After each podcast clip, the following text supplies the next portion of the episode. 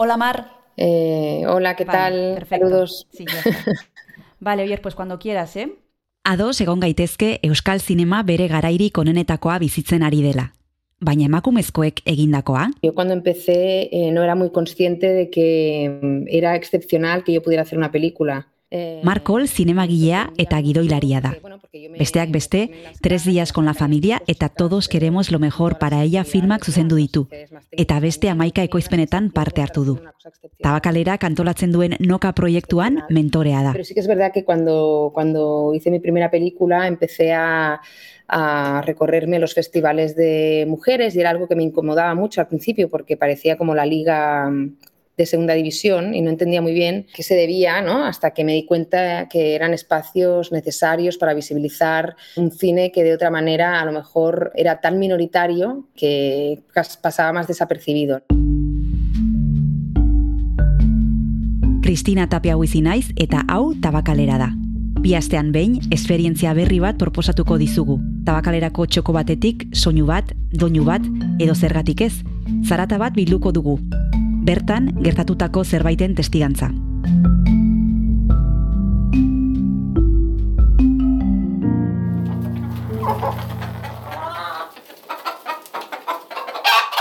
Klaus de Boske filma sortzen da kontatu zidaten istorio batetik. E, nire herriko emakume batek kontatu zidan gertatu zitzaion gauza bat. Eta gauza hori izan zen, e, berak e, oioak dituela. Entzuten ari zarena, Maili Barber da. Klaros de Boske filmarekin noka proiektuan parte hartu du. Eta oio hauek e, txitoak izaten dituztela, txito hauek heltzen, e, azitzen direnean e, batzuk oiarrak egiten dira eta beste batzuk oio, ez? Eta normalean ezin dira bi oiar baino gehiago egon oiategi batean.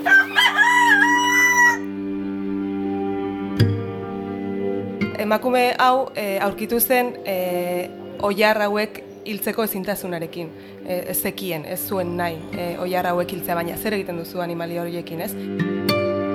berak hartutako erabakia izan zen, e, egun batean jaitsi zela oiategira, hartu zituen poltsa batean bi oiar handi hoiek, eta e, furgonetan sartu, eta basora eraman zituen. Eta basoaren e, erdian hor utzi zituen gau batez.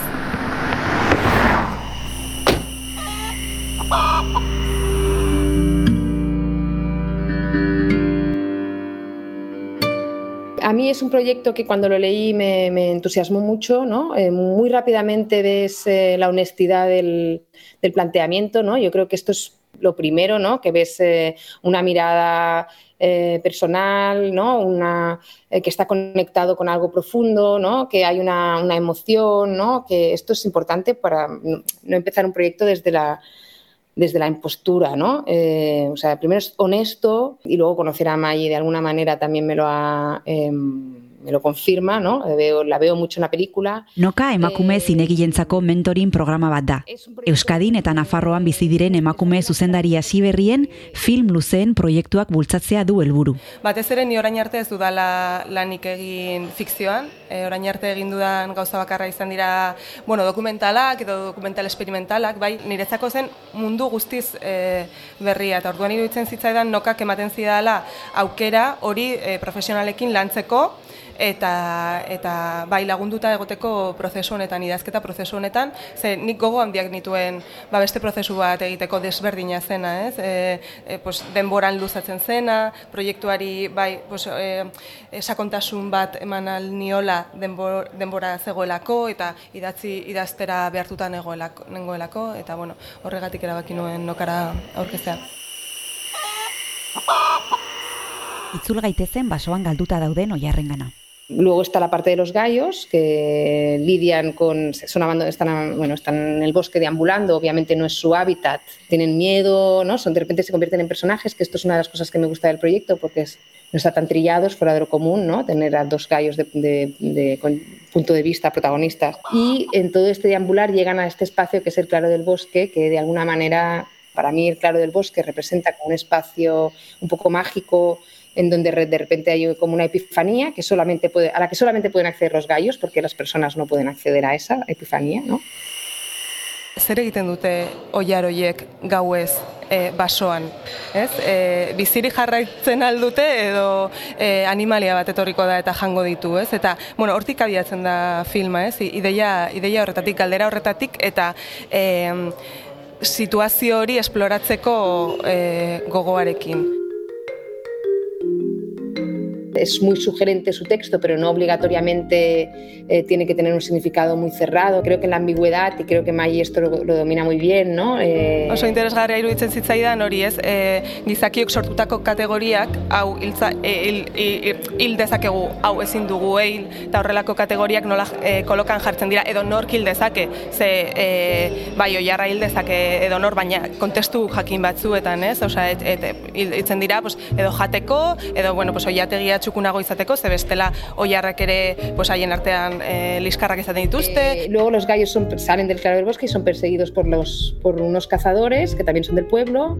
La tercera protagonista es la mujer de, de uno de los cazadores que acaba con los gallos en su casa y como se, se empiezan a pelear, los prepara para cenar y ya está. Urban galderazen ere, ze egiten dugu, e, bai, oiarrekin, ez? Osea, arrekin. Osea, ze emeek badaukate funtzio e, pues hori, aurraltza jartzea, ez badakigu zertarako nahi ditugu emeak, zertarako nahi ditugu arrak.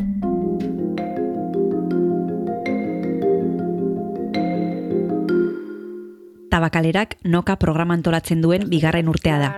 Eta Markolek eh, iaztik parte hartzen du. También el hecho, evidentemente, de que, de que sea un proyecto dirigido para mujeres y, y, y desde las mujeres, ¿no? porque todas las mentoras somos mujeres, eh, pues también me parece particular. Yo, en principio, estas iniciativas me parecen buenas porque creo que estamos en un momento en donde hay que potenciar un poco eh, el cine de, mujeres, que siempre lo tiene un poquito más complicado eh, que ayuda ¿no? a, a equilibrar un poco la balanza y me parece positivo. Baina etorkizunak itxura ona baldin badu ere, denbora beharko da parekietasuna erdiesteko. Sobre todo lo que hay que fijarse es en, en los números, ¿no?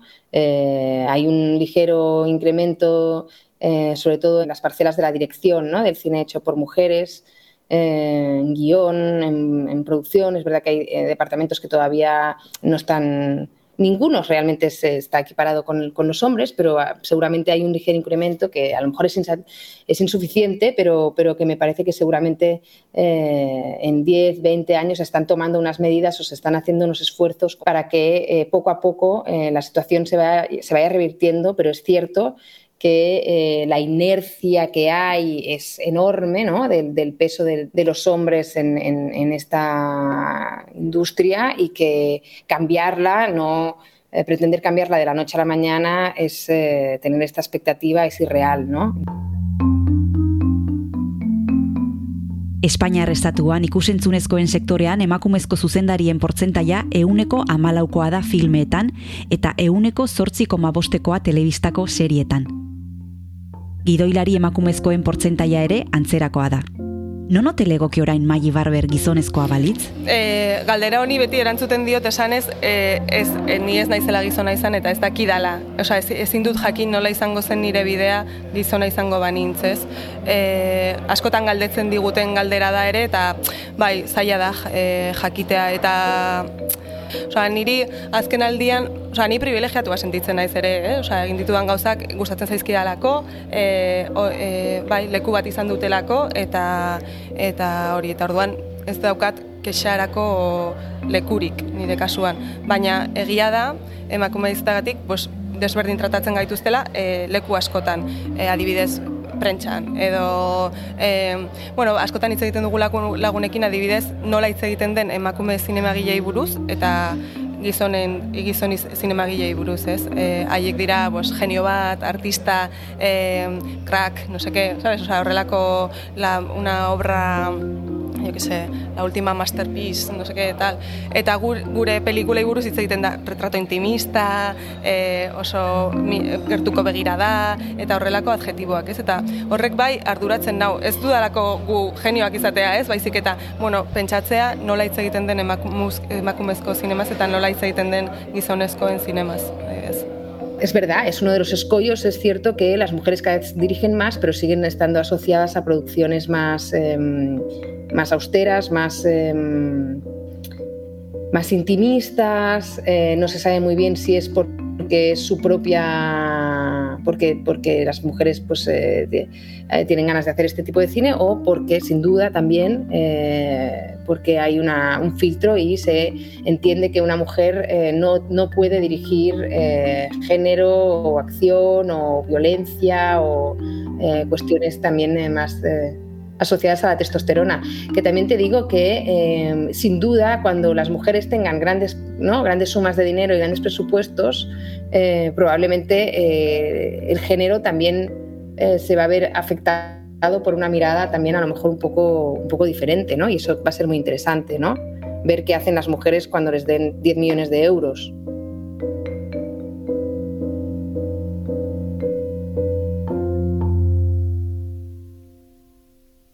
Ez dizugu aipatu, baina tabakalerako kafetegian elkartu gara maili barberrekin.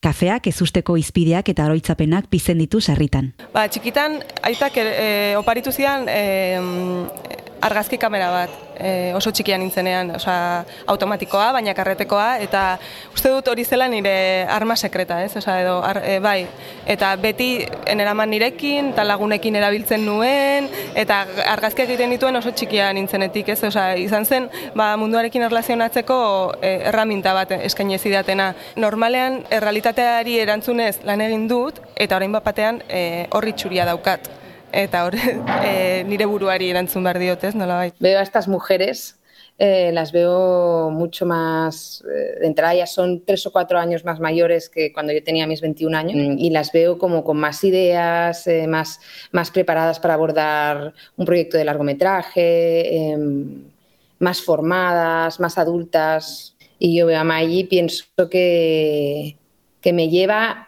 una, o sea, me, me, lleva mucha ventaja de lo que yo, ten, lo que yo era cuando tenía esa edad.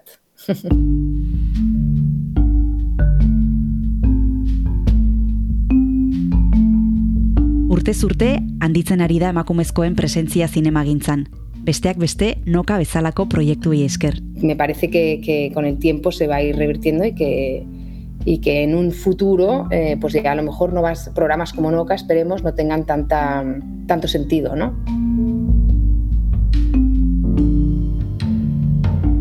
Entzun duzuna tabakalerako txoko batean grabatua izan da, baina txoko gehiago ere badaude. Urrengo ataletan entzungo ditugu.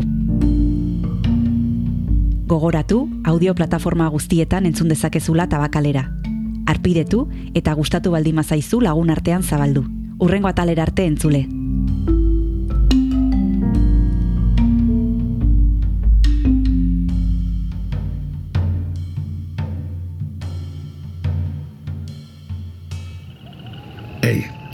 Entzun hori. Ulu Media.